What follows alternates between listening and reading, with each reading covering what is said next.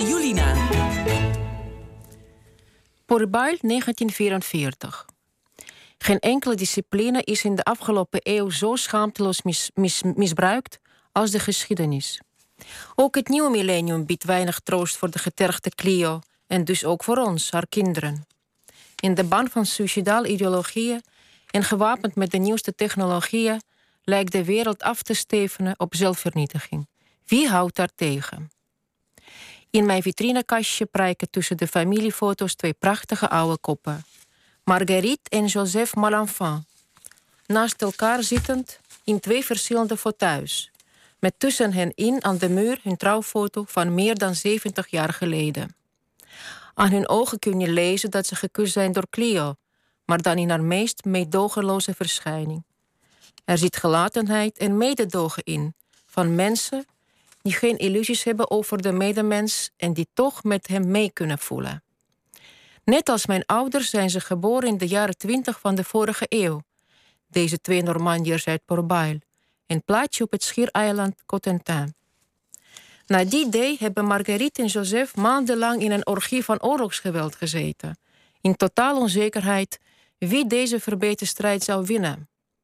Want behalve meedogenloosheid is ook blindheid een van de eigenschappen van Clio. Heel misschien heeft Marguerite in de chaos van de vluchtende, aanvallende, zich schuilhoudende, verdrinkende, razende, wanhopige en doodsbange soldaten een glimp van mijn vader ontwaard, zonder te weten wie hij was. Gestoken in een Duits uniform moest mijn vader tegen de geallieerden vechten en vluchtte hij in doodsangst door het niemandsland naar de Amerikanen. Hoe graag had ik Marguerite en Joseph ontmoet. Maar door de corona kon ik te laat naar Porbail afreizen en nu zijn ze allebei overleden. Maar de vraag was: wie houdt de suicidale wereld tegen? Wel nu, Porbail 1944. De stichting die door de kleinzonen van Marguerite en Joseph is opgericht. De verhalen van hun grootouders lieten hen niet los. En daarom zijn ze ook andere bewoners gaan interviewen. Er kwamen steeds meer mensen naar hen toe en zo werd het collectieve geheugen van Porbail wakker gemaakt. Porbail, een plaatsje dat buiten de beroemde Normandische slagvelden viel, bleek een niet minder boeiend en strategisch belangrijk strijdtoneel te zijn geweest. Onvermoeibaar doen de vrijwilligers van Porbail 1944 research naar de soldaten die op dat stukje land hebben gevochten. Hun namen worden aan de vergetelheid ontrukt, hun families gevonden, benaderd en naar Porbail uitgenodigd voor de herdenkingen. De soldaten krijgen namen en gezichten, zoals Private Harry Prudian, een 18-jarige Armeense jongen.